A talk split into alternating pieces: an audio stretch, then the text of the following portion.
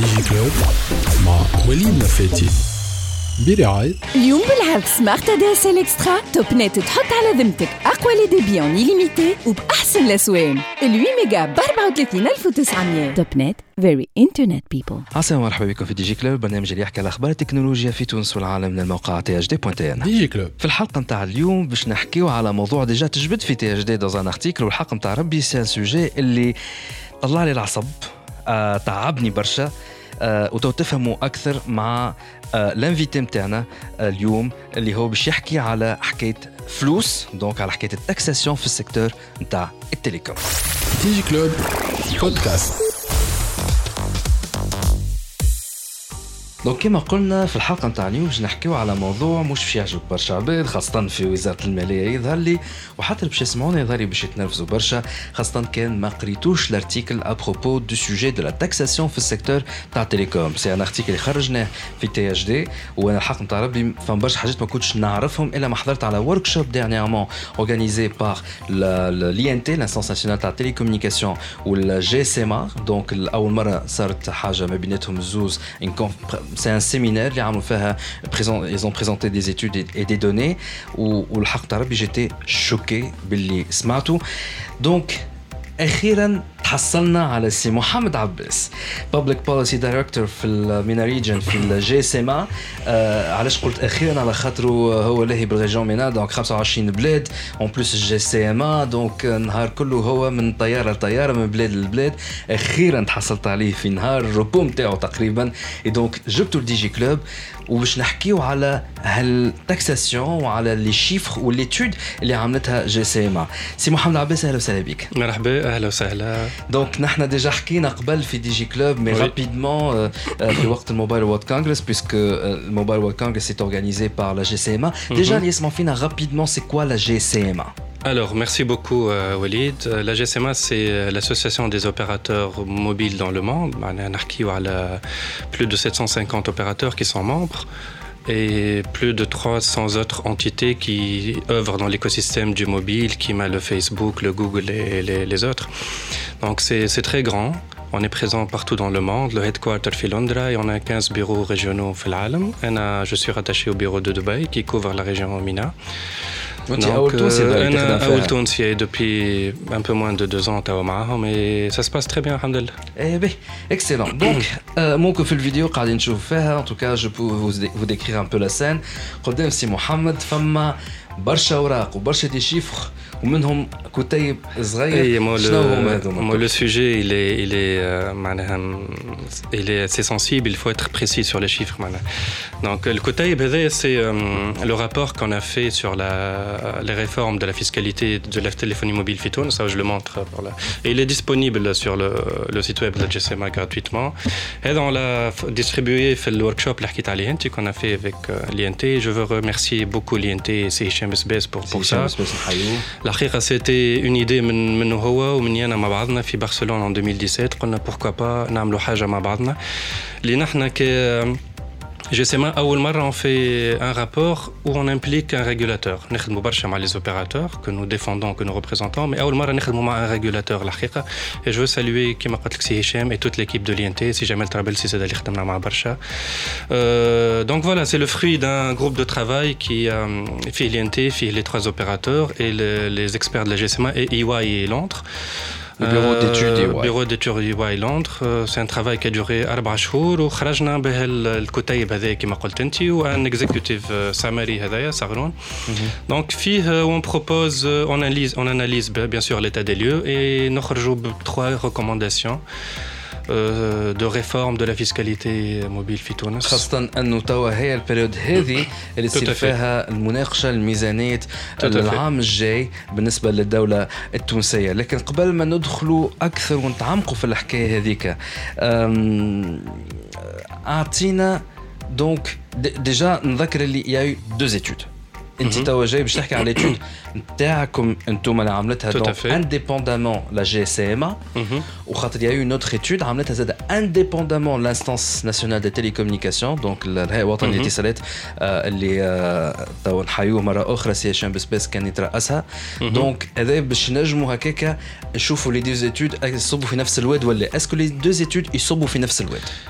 يصبوا في نفس الواد آه، ش معناها احنا خرجنا بتخوا ريكومونداسيون هما ليتود جي كومبري كي يا اون ديزين دو ريكومونداسيون مي احنا نو تخوا ريكومونداسيون يدخلوا parmi les 10 recommandations اللي خرجوا بهم احنا on a étudié uniquement le, le, le secteur mobile هما ils ont couvert toute la partie télécom mais oui les les euh, les conclusions convergent معناها et ça يعطي ما نقولش مصداقيه خاطر عندنا ديجا مصداقيه ما يعطي encore plus de مصداقيه كي تشوف deux études indépendantes les équipes ما يخدموش مع بعضهم وخرجنا بدي دي ريكومونداسيون قراب برشا من بعضهم les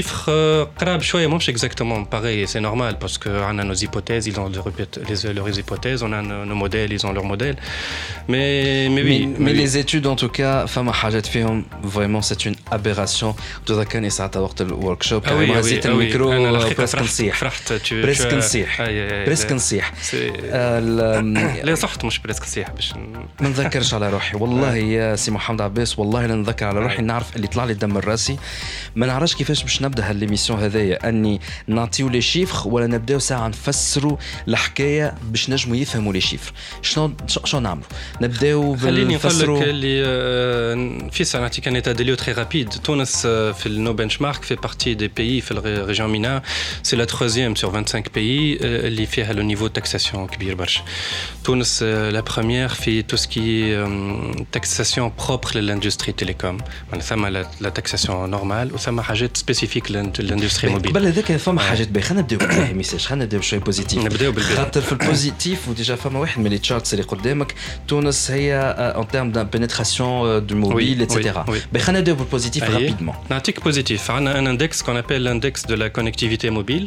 On mesure le niveau de connectivité في البلدان الكل. C'est un index qui se construit autour de 40 indicateurs. Donc c'est du costaud. Et Tunis, euh, في ال- في l'Afrique, elle se positionne la deuxième بعد l'île Maurice. Les îles Maurice, c'est territoire territoire donc assez de le couvrir. Donc là, on est très performant. La nos opérateurs, et à au niveau d'infrastructures, de, de couverture, de, de, de, connectivité mobile, on, on, fait très bien, malgré les difficultés le collège mhm. ils sont en train de continuer à investir malgré que les revenus euh, c'est à sa l'opérateur qui euh, investissait 6 à 7% de ses revenus, il s'appelle Barcha. L'IOM, on tourne autour de 12 à 13% d'investissement des revenus de l'année écoulée على خاطر على زاد خاطر لي نفسروا- revenus قاعدين يتيحوا ولو besoin en data en consommation Exactement, d'internet خاطر قاعده elle 4G, explose donc tu dois 5G suivre جاية، ça Voilà. il y a des acteurs اللي يدخلوا qui cannab- cannibalisent un peu nos revenus, comme le Facebook Messenger, comme le WhatsApp et Riro. Euh, mais l'UM في تونس en plus, c'est encore plus alarmant. اليوم un opérateur qui est M. Thierry Méry- Méy- euh, Millet, le, le CEO d'Orange, qui وقت اللي قال, ils ont investi 20% de leurs revenus de 2017 en 2018. C'est énorme. Le benchmark international autour de 12 à 13%. Roma fait Orange, ils sont à un niveau de 20%. Pour, euh, pour accompagner le besoin en data et pour offrir à l'utilisateur un niveau de connectivité et Dini. Et الحقيقة أنا نسافر برشا وفي الريجيون arabe on a une, une qualité de service elle est très très très honorable الحقيقة لتونس. قداش البينيتراسيون في الداتا عندنا؟ أه ما عنديش توا قدامي الحقيقة لو شيفر ما نجم تو سويت ندخل نشوف لك بعد En après tout cas, البوز نجم نعطيك. نجم نجموا تدخلوا en tout cas تشوفوا le rapport il est très bien détaillé euh, على السيت نتاع GCMA par rapport donc à la à, à la Tunisie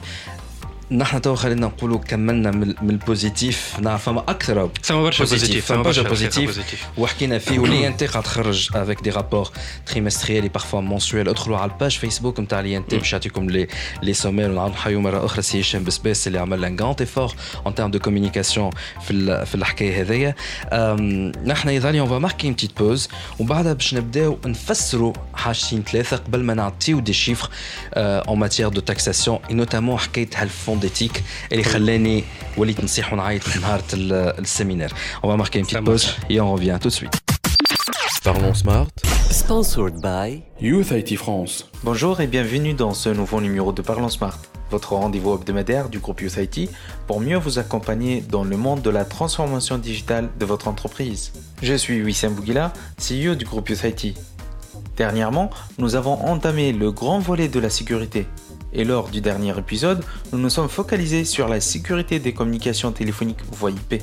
On vous a donné quelques conseils pour mieux sécuriser vos appels au sein de l'entreprise et avec vos collaborateurs externes grâce bien évidemment au cryptage de votre communication avec les protocoles recommandés. Dans cet épisode, nous allons vous donner encore quelques conseils pour que vous ayez l'esprit tranquille sur le fait que personne n'est en train de vous espionner ou qui essaie de compromettre votre sécurité voie IP. Primo, pensez à mettre en place l'authentification sécurisée pour vos protocoles de signalisation d'appel. En effet, quand vous utilisez le protocole H323 ou le H225, ayez le réflexe de configurer ces protocoles avec des authentifications sécurisées. Ainsi, pour le standard, évitez d'utiliser l'authentification automatique qui utilise le hachage MD5 et le mot de passe. Pour le H225, il faut l'envelopper dans un tunnel TLS utilisé pour la protection de session utilisant le H323. Et afin de créer un hachage unique pour chaque demande d'authentification, la méthode la plus courante, c'est le hachage de mot de passe. Écoutez bien, cette méthode consiste en la combinaison d'un mot de passe MD5, d'un identifiant et d'un rotatage de 15 minutes maximum pour éviter les attaques par relecture. Quant au protocole SIP H323 ou l'IAX, assurez-vous que ces protocoles requièrent une authentification pour pouvoir s'enregistrer. Secondo, configurez des protocoles et des processus sécurisés pour votre réseau. En effet, mettre en place une procédure de sécurité et un plan d'isolation est essentiel pour maximiser la sécurité de votre réseau VoIP. Voilà une pratique recommandée, la méthode de l'Out-of-Band Device Management. Utilisez donc cette méthode à partir d'un réseau de gestion crypté, isolé et sécurisé, car cela crée un lien sécurisé pour gérer un réseau distant sans interférer avec le trafic normal. Il est aussi important de disposer d'un logiciel de gestion VoIP pour enregistrer tous les événements ou activités critiques à auditer régulièrement. Parmi les autres pratiques recommandées pour la gestion des protocoles, nous allons citer donc un serveur de HCP en non disponibilité, l'utilisation de SSL v3, TLSV1 non autosigné, Abandonnez immédiatement les connexions avec certificat SSL incorrect, expiré ou autosigné. Désactivez les options de détection automatique pour tous les portiers externes. Et finalement, placez votre réseau derrière un firewall et autorisez uniquement les IP ou les terminaux connus avec des règles bien explicites. S'il est impossible de résoudre tous les problèmes de sécurité et que certaines choses sont inévitables, eh ben, grâce à la mise en place d'une checklist, un plan de meilleures pratiques et procédures de sécurité VoIP, vous pouvez tout anticiper avec succès et sans impacter votre communication professionnelle. Et pour terminer, je tiens à vous rappeler que les solutions Grand Stream de chez YouthIT respectent tous les standards de sécurité et sont constamment mises à jour. Mieux, les ingénieurs et techniciens YouthIT sont toujours à la disponibilité des clients pour mieux les aider à sécuriser le réseau. Pour mieux connaître les solutions sans licence du constructeur américain GrandStream ainsi que USIT, je vous invite à consulter le site grandstream.tn. Rendez-vous la semaine prochaine pour vous donner d'autres conseils pratiques, pour vous accompagner dans votre transformation digitale et vous donner des nouvelles astuces. Parlons Smart. Sponsored by Youth IT France. DigiClub Podcast. Billy Wright. Topnet, very internet people.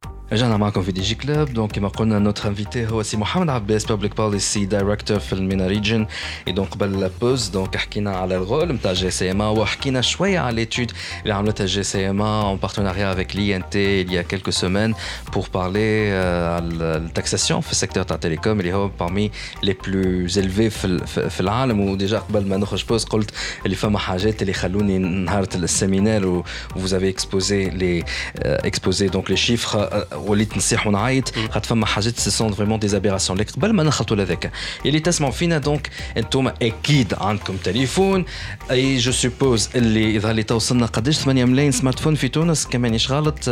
بارمي لي داني شيفر كاريمون طلعنا 8 ملايين سمارت فون منهم أربعة كمان غلط؟ ماني النص ولا 4 جي هذوما دي شيفر نعرفش وين سمعتهم ديرنييرمون يلزمني نزيد ثبت منهم مي زاد طلع على الأخر. اي دونك يظهر لي عندي باش نقول 100% من اللي يسمعوا فينا توا على الساوند كلاود عندكم ديجا ان سمارت فون وتتكلموا في التليفون. دونك حاجة من اثنين يا تخلصوا فاتورة يا قاعدين تخلصوا بالتيكيات تشي كل مرة كي نسموها نحن لايت ولا غوشارج الكترونيك أول سؤال باش نسألو السي محمد عباس شنو هما لي ديفيرون تاكس على خاطر اللي ما يعرفش يقرأ الفاتورة.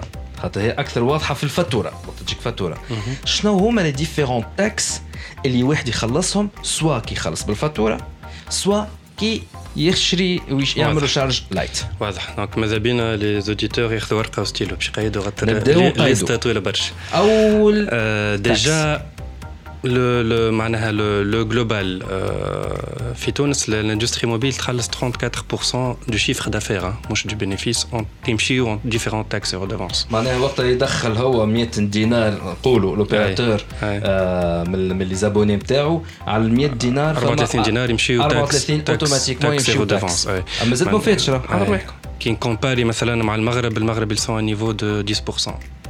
دونك على 100 دينار فما نقولوا إحنا 10000 ثلاث مرات ونص أكثر من نحن ثلاث مرات ثلاث مرات ونص pour un- donner un exemple. بعد كي نحبوا ندخلوا في les détails, عندنا la, la taxe sur la valeur ajoutée de 19%. دونك عندك التاكس الأولانية 19% اللي هي كانت قبل 18 قاموا وقعدوا جاوا في 2019 وهذا في الوقت فينونس اللي فاتت. قالوا رانا باش نطلعوها 19% Oui. باهي هاو في بالكم تخلصوا راك 19% سي بوركوا تخلصوا 5000 كارتة وتلقاها في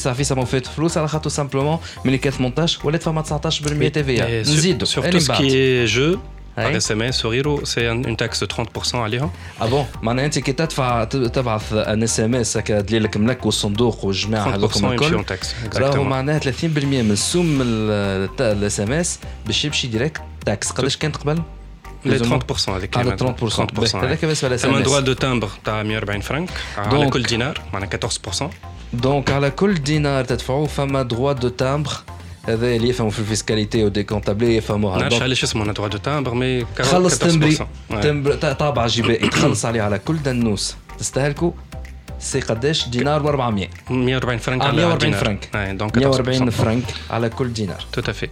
Ça met l'impôt sur les sociétés, l'IS, euh, il est à 35%, alors que le normal, Fitoun, c'est les 25%. Donc, on fait partie des industries les, les surtaxées.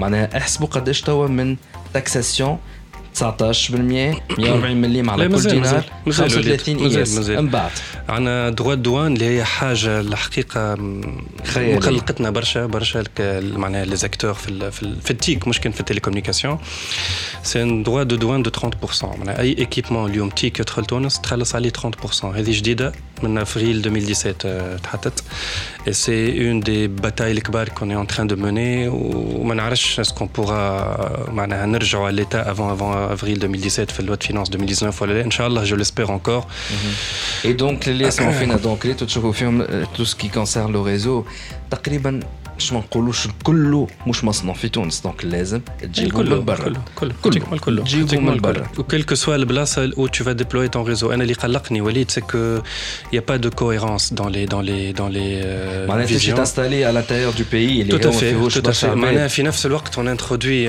un fonds de service universel اللي عندي برشا ما لا، نقول لا، عليه لا، تو نحكي تضربش، تو نحكي عليه من تضربش. بعد لا باش نحكي عليه من بعد بيان سور اللي هو معناها مجعول بور بور كوفرير لي بوبولاسيون الواني ورورال اللي ما عندهمش كونكتيفيتي وفرض وقت أنا تقول لي امشي كوفري العباد اللي اللي بعاد.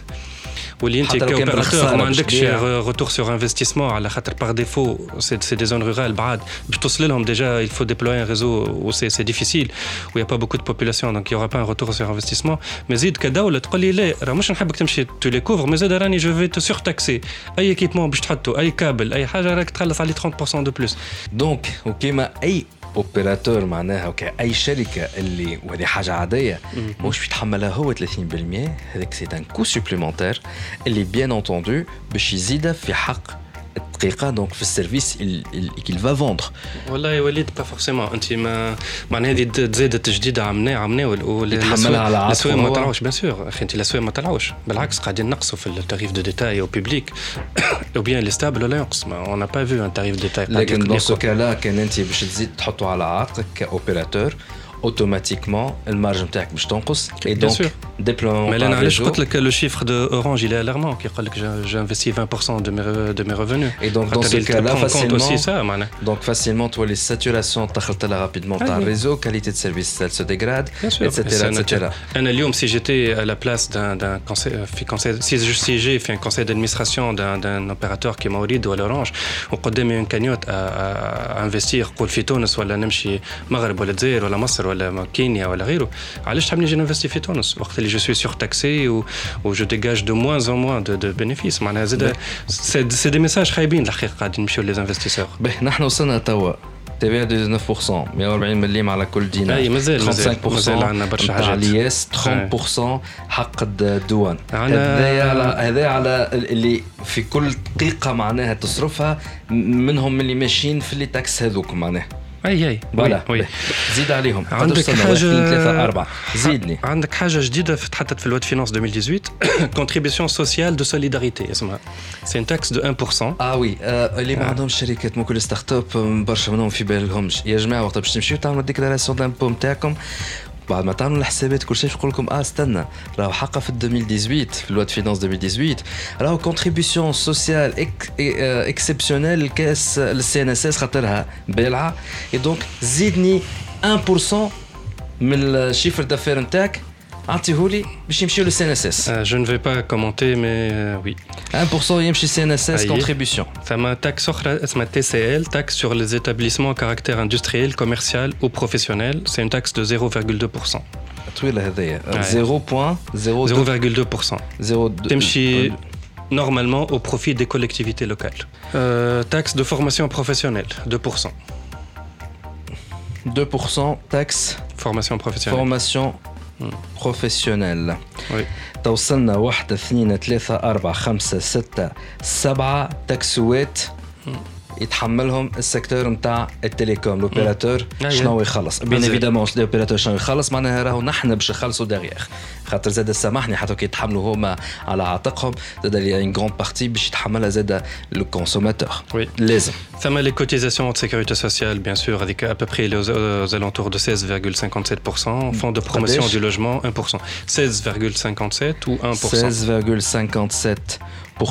لشكون؟ Euh, cotisation de sécurité sociale كوتيزاسيون Ouais. فورسيمون خاطر يخدموا عندهم عباد Bien لازم sûr, يخلصوا bien من سي ان sûr, اس اس ouais.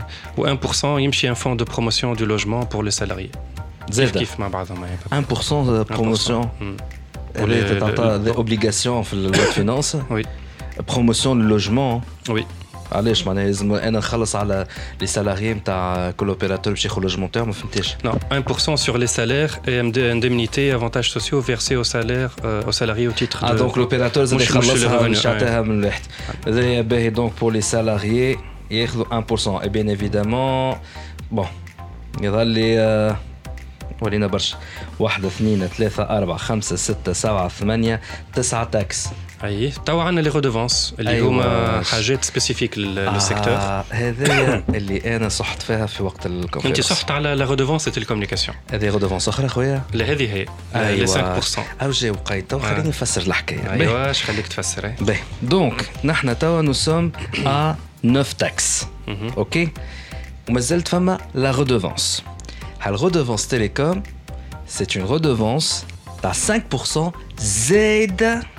يخلصها اللي يستهلك في التليفون. كيفاش؟ باش نفسرها لكم هذايا بعد لا بوس. موبايل إند آي تي.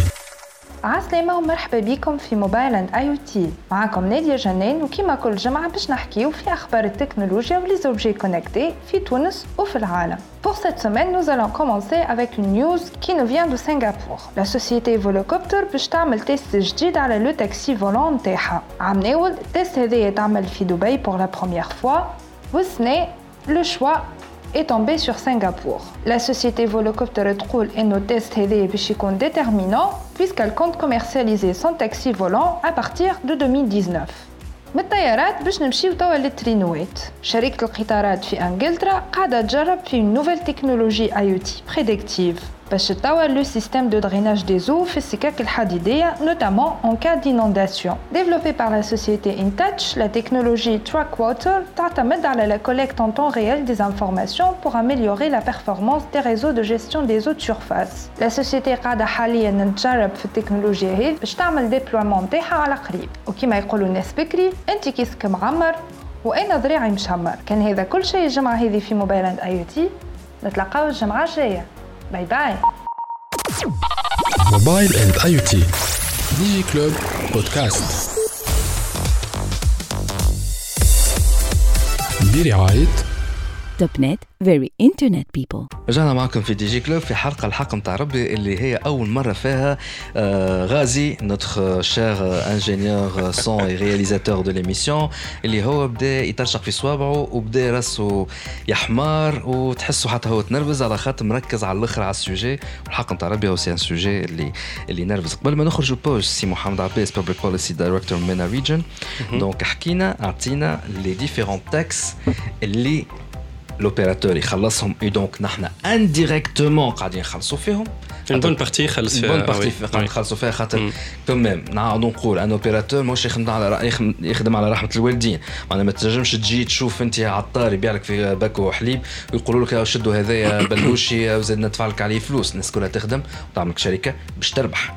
اي دونك لا بيان ايفيدامون اللي هو حتى لو كان لا وصلنا عاش قداش من تاكس تسعة تاكسوات 19% 140 مليم على كل دقيقة 35% 30% 1% سي ان اس اس 0,2% تاكس كوليكتيفيتي لوكال 2% فورماسيون بروفيسيونيل 16,57% cotisation 1% salarié ومازال الشيء nous sommes nous sommes déjà à 9 taxes donc على الاقل يكون شي لا مواتي نحن كونسوماتور باش نخلصوهم سي ديجا ترو بريف نحن في البوز دونك قبل ما نخرجوا البوز قلنا فما لا ريدوفونس تاع 5% وجيت باش نفسركم تاع 5% سي محمد عباس في البوز قال لي يا وليد راهو مازالوا 3 زوتر ريدوفونس مهم.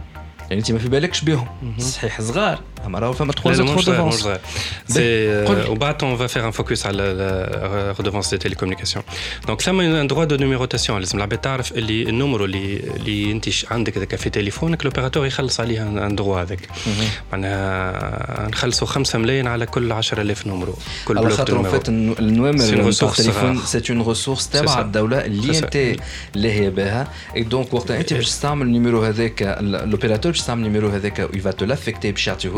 بالضبط، يخلص- لازم يخلص يخلص عليها الدوله اي دونك 5 ملايين pour chaque bloc de 10 000 numéros.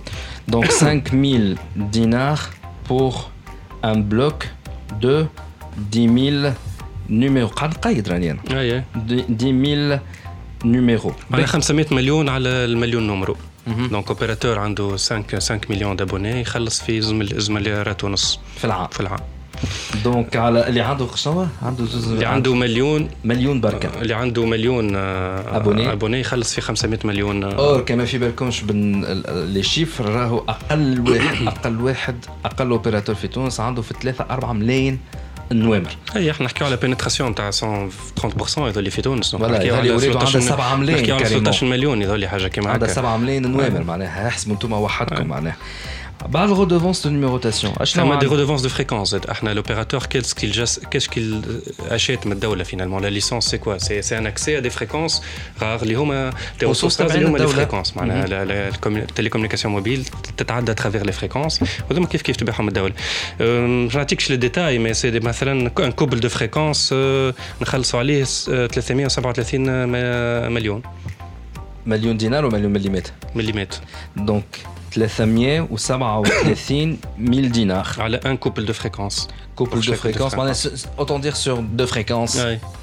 Donc c'est beaucoup, mais je vais mettre les détails. À part le droit de licence, bien sûr, les tu accèdes le marché. Les juste à les fréquences, فريكونس نستعملوا فيهم نوتامون على ال 4 جي وال 3 جي وال 2 هذا جي زاد راه سي ان Donc سوجي احسبوها سي ان سوجي كبير. كسوجي كبير وزاد داخله مع الفريكونس. دوتر فريكونس اخرين لونجليست وتنجيوها في الكود دي تيليكوم لو سوجي دي فريكونس مهم زاد. والغودوفونس ولا لي ليسونس اللي شريوها بيان سور اللي سي سا شيفر دي سونتين دو مليون دو دولار معناها دونك لو دروا دونتري سور لو مارشي على خاطر كي تشري انت حق الليسانس نتاعك باش نجم tu commercialises tes services Bien في sûr. تونس لازم تشري ليسانس والليسانس هذيك فيها une redevance كل عام تخلص عليها زاده سا ديبون يتخلصها يا فر ضربه يا كل مم. عام هذيك سا ديبون من ال- ال- قداش لابيل دوفر وفيها لي برشا كونديسيون دي ليسونس سا ديبون لي لي كونديسيون دي ليسونس كونديسيون تاع الليسانس باهي سيدي خويا خلينا نعملوا الحساب الورقه تعبيت قدامي أي. واحد اثنين ثلاثة أربعة خمسة ستة سبعة ثمانية تسعة تكسوات زيد عليهم تخوا رودوفونس دونك قداش وصلنا توا مخي تحبس. وصلنا ل 11 توا يا غازي اللي معايا. وصلنا 11 حاجة نخلصوها خلصها الاوبيراتور وصلنا ل 11 وصلنا توا التاكس تاع 5% اي هذه لا ريديفونس دي Télécommunications. فون دو بروموسيون دي تيليكومونيكاسيون به الفون ديتيك لو فامو فون ديتيك اللي قداش مره حكينا فيه على تي اش دي ان فيت هي خرجت في الواد فينانس نتاع 2000 2001 ولا 2002 سيتي يظهر لي من 2001 بدات في وقت تونس اللي تعمل الكود دي تيليكوم بور اكومباني لونتري سور لو مارشي دو دوزيام اوبيراتور اللي هي تونيزيان à على l'époque ساعتها تونيزيان وقت سوقوها قبل قبل خاطر نذكرها سي لو فون ديفلوبمون دو سيكتور تيك سيتادير كو كل اوبيراتور على الشيفر دافير نتاعو اللي دخلوا من لي زابوني ينحي من عنده 5% من الشيفر دافير نتاعو اللي هو نورمالمون تيوريكمون يتنحى له من بعد من التاكس نتاعو معناها ما يتزادش اون بلوس سو ني با الكا في تونس وي خلينا نكمل اي ساعة. فاسيل خلينا نكمل دونك ان فيت في اللوا دو فينانس تيوريكمون هكا 5% هذيك تتنحى من بعد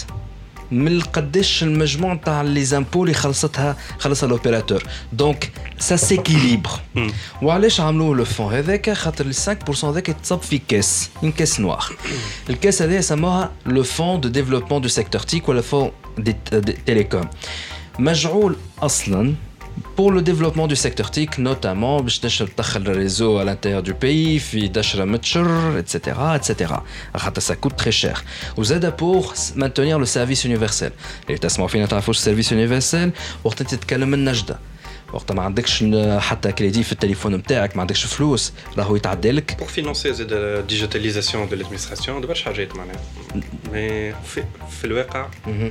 Donc en fait, le- ce sont des choses اللي هما باهين pour développer l'internet في تونس la numérisation تاع l'administration كما قلت etc soutenir هالديجيتاليزاسيون هذايا هذايا من وقت 2001 ده معناها كان طيار على الاخر لكن شنو هو صار en fait الفلوس ما مشاتش غيانمون للديفلوب مشات شويه ديفلوبمون كوميم لازمنا نستعرفوا لكن الفلوس هذيك مشات pour financer ال- الشركات اللي تابعه السيكتور اللي خاسره مثلا البوسطه وقت تكون امورها سافا با لازم يخلصوا الخدام لازم يخلصوا لي سيرفيس اللي مش ياخذوا الفلوس مش ياخذوا من الفون ديتيك وقت لوفيس ناسيونال تاع التلفزيون ديال الوطني لل... لل...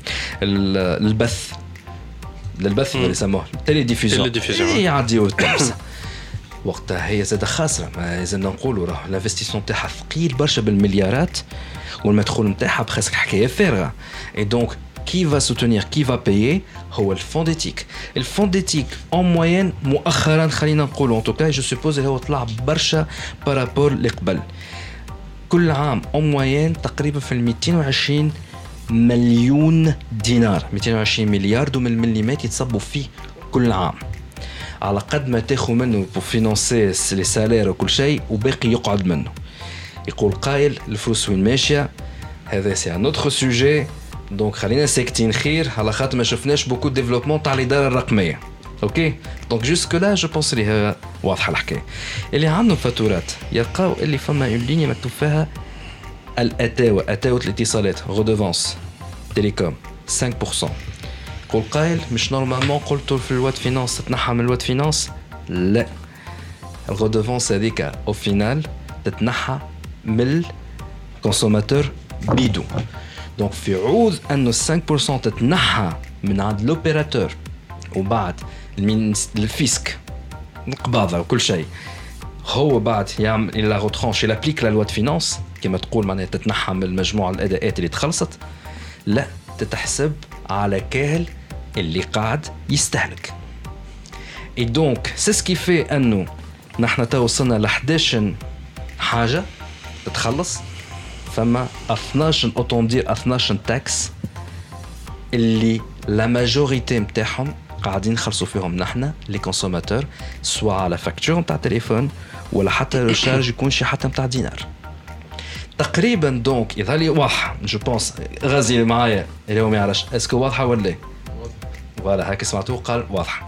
دونك هذايا الكل كان لموه على 12 تاكس تقريبا قداش على دينار. نخلصوا ابوبري 340 فرانك 340 فرنك مم. دونك اوتون دير بريسك 400000 400 مليون. 340 بور اتر بريسي خلينا نقولوا 400 400 فرنك دونك ريالمون على دينار انت ماك باش تستهلك كان 600 فرنك و400 فرنك باش تمشي من غادي لغادي هذايا السيتواسيون اللي نحن فيها توا واللي خلتني أنا نرفزت وفما حاجة أخرى زاد اكتشفتها زاد خلتني نصيح ونعيط اسكو عندك تعليق على ذا كله ديجا اسكو اللي قلته صحيح جوست حكايه كونسومي 600 دينار مش مش فورسيمون صحيحه مي اي من انت تنرفزت على كي فهمت اللي 5% اون بلوس فيهم غلطه كيفاش قاعدين تحسبوا انت نفكرك معناها وقت تنرفزت نفسر لهم قول لهم نفسر لهم احنا حتى في الريكومونداسيون اللي عملناها اون دوموند با ننحيوها 5% مي اون دوموند ان ان elle se calcule d'une façon correcte 5% انت un utilisateur مثلا تونسي تيليكوم تطلب un abonné orange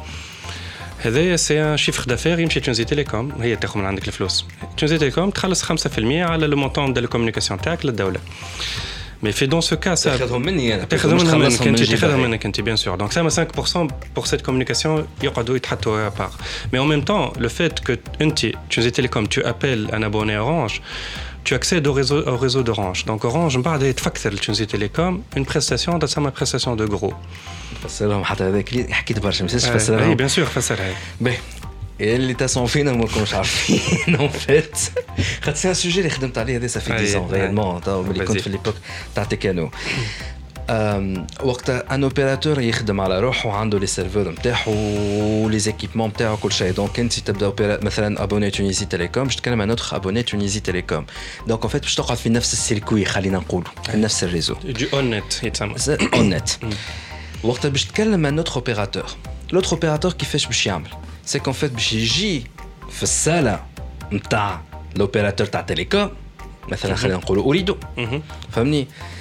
أريد باش نحط السيرفور نتاعها هي في السالة نتاع التليكوم عند تونيزي تيليكوم وش يكون فما رابط ما بيناتهم. سي ان بوان داكسي للريزو نتاع اوريدو شي تونيزي تيليكوم باش هكاك لابيل كي يبدأ باش يتعدى من تيليكوم لاوريدو في القاعة نتاع نتاع تيليكوم يتعدى على السيرفر نتاع اوريدو ومن غاديك باش يمشي للريزو نتاع اوريدو اي دونك كل مرة تصير الحكاية دونك اوريدو باش تمشي تفكتر لتونيزي تيليكوم تقول لها يا تونيزي تيليكوم راك عديت لي تليفون ليا انا دونك استعملت الريزو نتاعي تو افي اي لا لو ميم كونسيبت نتاع كليون اللي نحن معناها نستعملوا فيها كي وقت نهزوا التليفون والو معناها نشارجيو بدنوس فا سابليكي حتى ما بينات تونيزي تيليكوم واوريدو اي دوكو اوريدو وقت باش تبعث فاتوره لتونيزي تيليكوم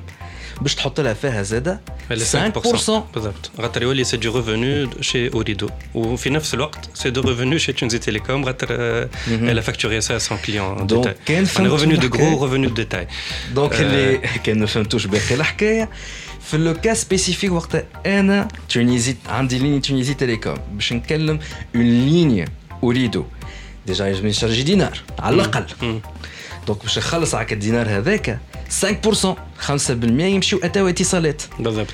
ولكن في الفخي دابيل لا مينوت كي نكلم نيميرو اريدو فما 5% سوبليمونتير اللي زاد باش يتنحاو في الحق نتاع الدقيقة هذيك. بالضبط باش يمشيو للفونديتيك اي دوكو باش نلقاو رواحنا أنا كمستعمل في الحالة هذيا بالضبط خلصت 10% للفونديتيك مش 5% هذا هو اللي هذا هو هذا هو احنا هذايا باغمي لي لي لي ريكومونداسيون الكبار الحقيقه نتاعنا انها 5% تتعاود تتحل وهذا سي سي كلام راهو قاعد يتقال دوبي دي زاني دي زاني سي لا بروميير فوا اللي انا بيرسونيلمون جاسيست في ان ديبا بوبليك في الورك شوب اللي تحكي عليه انت وما نعرفش مالوغوزمون انا لي زيكو اللي قاعدين يوصلوني توا سي كو سا سرا با بري اون كونسيديراسيون مالوغوزمون في اللوا دو فينانس جايه اش تحب نقول لك وليد احنا والله ما حتى شيء بور لو مومون خاطر انا عاود طلع لي عاود نرفزت خاطر عاود ذكرت اون فا ماركي نوتر بوز بعد باش نرجعوا بور بارلي جوستومون دي ريكومونداسيون علاش انتم خرجتوا لي زيتود توا على خاطر جوستومون باش نحاولوا نلحقوا نجموا نلحقوه مالغري لا ريزيستانس الكبيره اللي قاعدين نشوفوا فيها ولا خلينا نقولوا مش ريزيستانس مي ils font la sourde oreille du côté du ministère des Finances. Hana Rajaï. En direct d'Alger. Bonjour, bonjour. En direct d'Alger, cette fois-ci avec la numérisation des procédures financières. L'Algérie à l'instar des autres pays du monde, est en train de numériser les procédures foncières. En effet, le ministre des Finances, Abdelrahman Araouia, vient d'annoncer que le projet de numérisation et d'informatisation des procédures foncières est en phase de concrétisation. Cette opération qui a pour but de mettre fin à la lenteur des procédures foncières, vise aussi l'amélioration du service public en matière de conservation foncière et la simplification de la délivrance du livret foncier. Il est à relever que l'action menée par les services du ministère des Finances entre dans le cadre de la loi de finances 2018 qui prévoit dans son article 429 un nouveau mécanisme simplifié visant à permettre aux propriétaires et détenteurs de propriétés de régulariser leur situation et d'obtenir des livrets fonciers. Pour le gouvernement, il s'agit de rapprocher à travers cette procédure de numérisation l'administration des citoyens et d'assurer une qualité de service. Pour rappel, la procédure de numérisation foncière avait été lancée en grande pompe en mars 2017. L'opération consiste en la numérisation progressive des services de conservation foncière en charge de centaines de milliers de documents fonciers et autres actes de propriété. Cette numérisation touche notamment les informations foncières et celles du patrimoine documentaire foncier. La numérisation se fait, a-t-on expliqué auprès du ministère, via un logiciel performant avec l'introduction des informations de la personne concernée, puis les documents de la propriété et enfin les actes de propriété. Le business, il est où? Le business, il est derrière tout ça. Une fois numérisé, une fois l'ensemble numérisé, que faut-il faire Réfléchissez, innovez et à vos claviers. Merci et bonne écoute. En direct d'Alger avec Abdelrafik Khnifsa. En direct d'Alger. DigiClub Podcast. برعاية توب نت very internet people رجعنا معكم يظهر لي باش تكون هذه اخر بارتي من دي جي كلوب باش نقفلوا بها على حكايه تاكساسيون وبعد نفسركم شنو باش نعملوا. معنا دونك سي محمد عباس بابليك بوليسي دايركتور من ريجن عدينا ديجا بريسك توت ليميسيون نحن نعطيو في لي تاكس وصلنا بريسك 12 تاكس ما بين لي رودوفونس ولي تاكس وال شيخة تبارك الله. دونك تقريبا على كل دينار فما 340 مليم يمشيو دونك تاكساسيون سكي سكي ترو نحن في البوز سي محمد عباس.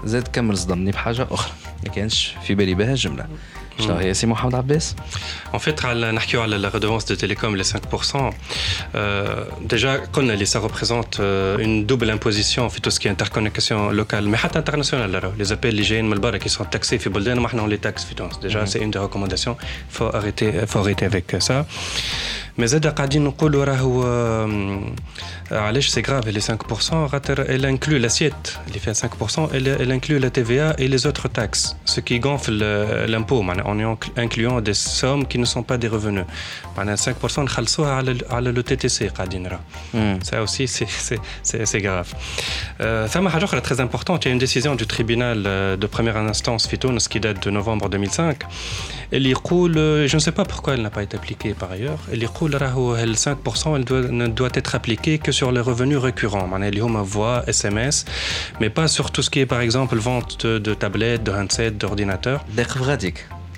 Donc, N, qui n'est pas les téléphones. La tablette, hmm. l'opérateur téléphonique, mhm. Zid redevance, à 5% dans le fonds d'éthique. تاع 5% تاع الفونديتيك Tout à fait. هو l'opérateur يتحملها باش يكون à une hauteur concurrentielle مع سي كونكورون لبرا اللي ريفوندور في الشارع يبيعوا بنفس السوم هو دونك يخسر 5% عليهم. Et ça c'est une on peut l'assimiler une concurrence qui n'est pas vraiment loyale معناها. والله je ne crois pas trop هو سي فري فبرشا حاجات يتحملهم لوبيراتور مي جو نو بونس با ترو اللي كوم ميم هو زاد يحب يربح زاد ماهوش هنا باش يتحمل هو برشا حاجات دونك دو فاسون دون اوتر c'est le consommateur d'une façon ou d'une autre كما قلت اللي باش يتحملها ce qui veut dire اللي انا كي نشري تليفون من عند ان اوبيراتور ونتكلم بالكوميونيكاسيون تاعي العاديه ونكلم ان اوتر اوبيراتور دونك نعمل كوميونيكاسيون اوف نت نولي نجم نخلص معناها هنا 15% ريالمون تي في فا سي ان بو واحد ماهيش بالضبط هكاكا مي ريالمون ملي كنت باش نخلص 5% باش نولي نخلص 15% هذايا معناها اون غرو اللي, اللي وصلنا له لحد هذايا. من غير ما نزيد خاطر بالرسمي طلع لي الدم شيء تعب شيء تعب شيء تعب شيء تعب دونك شنو هما لي ريكومونداسيون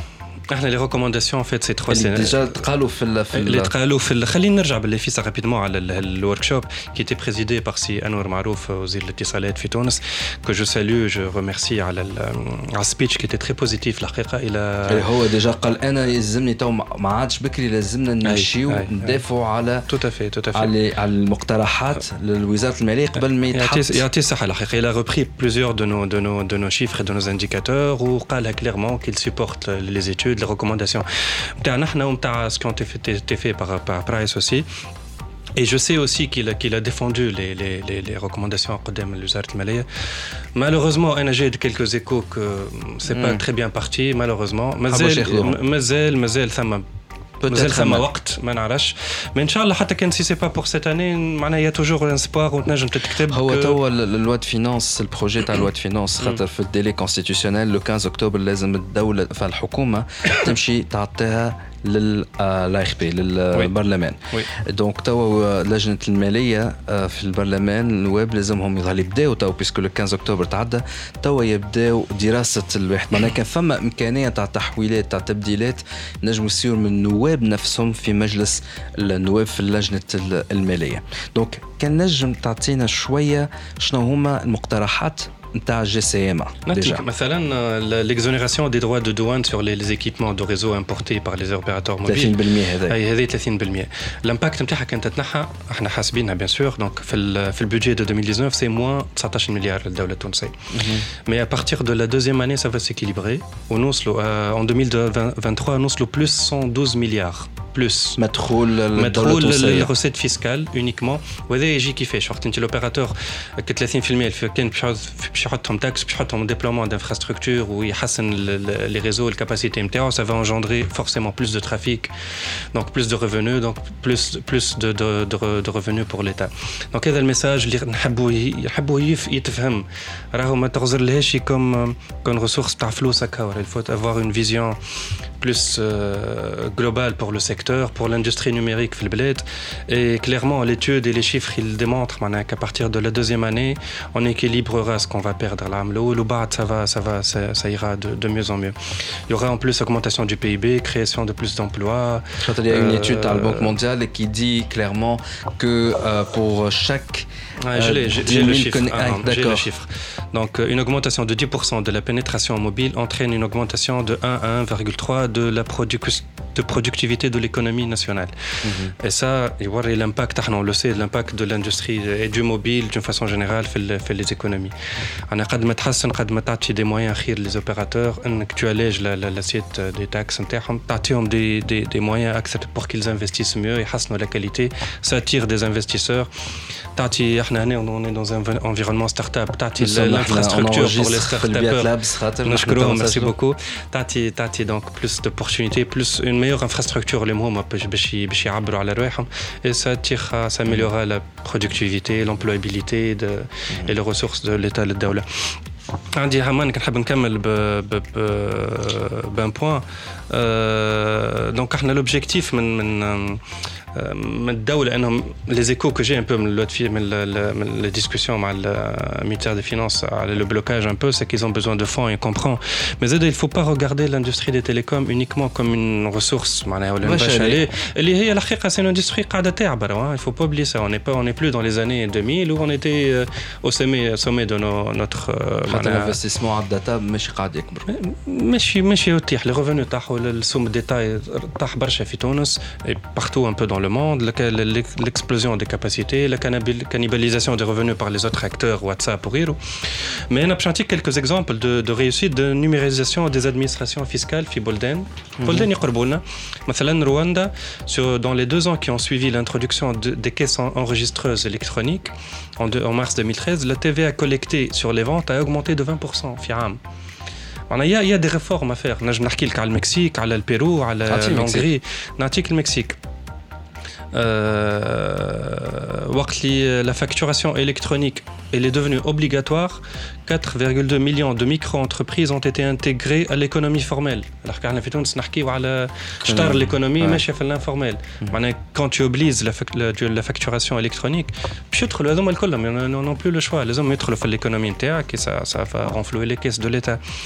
Il y a beaucoup de réformes à faire, ça m'a des initiatives باهيين à faire. ان شاء الله نراو شيء. Est-ce que البرنامج عيط لك اسكو واحد من النواب كلمك لا je suis pas en position على الحقيقه انا باش Est-ce qu'en tant que représentant de GCMA كان يجيوك النواب يقولوا لك اسكو تجي بحذانا نحبوا نفهموا اكثر الحكايه اسكو GCMA عندها الحق انها تمشي مجلس النواب؟ Oui عندي الحق bien sûr عندي الحق il y a pas de il y a pas de problème avec ça euh, انا mon rôle c'est d'aider l'industrie mobile في تونس و dans la région ou du, du mieux qu'on qu'on peut الحقيقه je suis là كي نبدا موجود في تونس bien sûr je suis disponible là bien sûr très bien باهي فما كلمه الختام على خاطر مازال راهو مع سي محمد عباس. نحن أو فيت كنت كنت عامل بروجرام ريالمون الحلقة نتاع اليوم باش تكون حلقة على دو بارتي آه سي محمد كان مشيت لها بالبروميير بارتي آه اللي هي دونك حكاية التاكساسيون بيسك استغليت الفرصه اللي هو بحذايا على ليتود اللي عملناها. اللي عملتها جي سي إم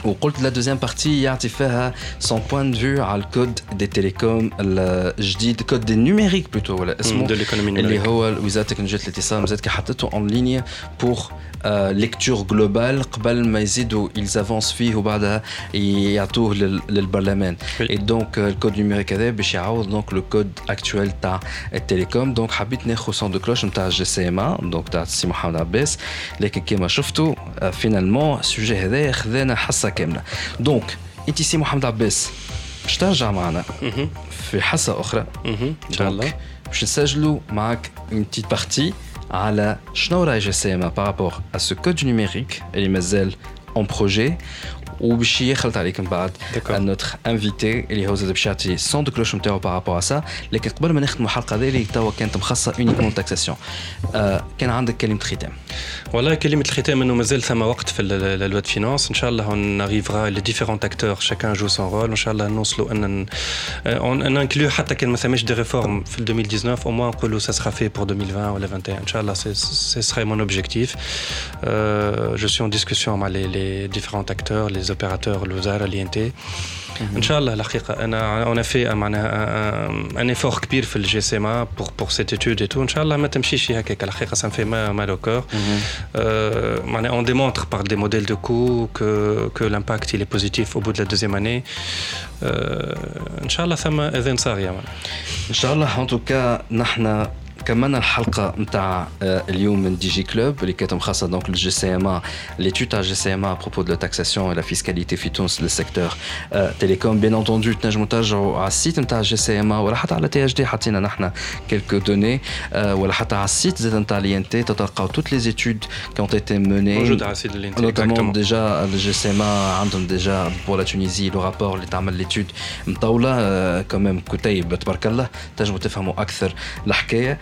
سي محمد اقعد معنا نحن باش نكملوا نسجلوا معك حلقه اخرى ابروبو دو لا du fond euh, pas du fond plutôt du code à propos du code du numérique qui est en gestation نحن نقول لكم c'est tout pour aujourd'hui نتقابلوا في الحلقه الجايه باي باي ديجي كلوب ديجي برعاية اليوم بالعرض سمارت دي اس ال إكسترا. توب نت تحط على ذمتك أقوى لي ديبي أون ليميتي وبأحسن الاسوان ال 8 ميجا ب 34900 توب نت فيري انترنت بيبل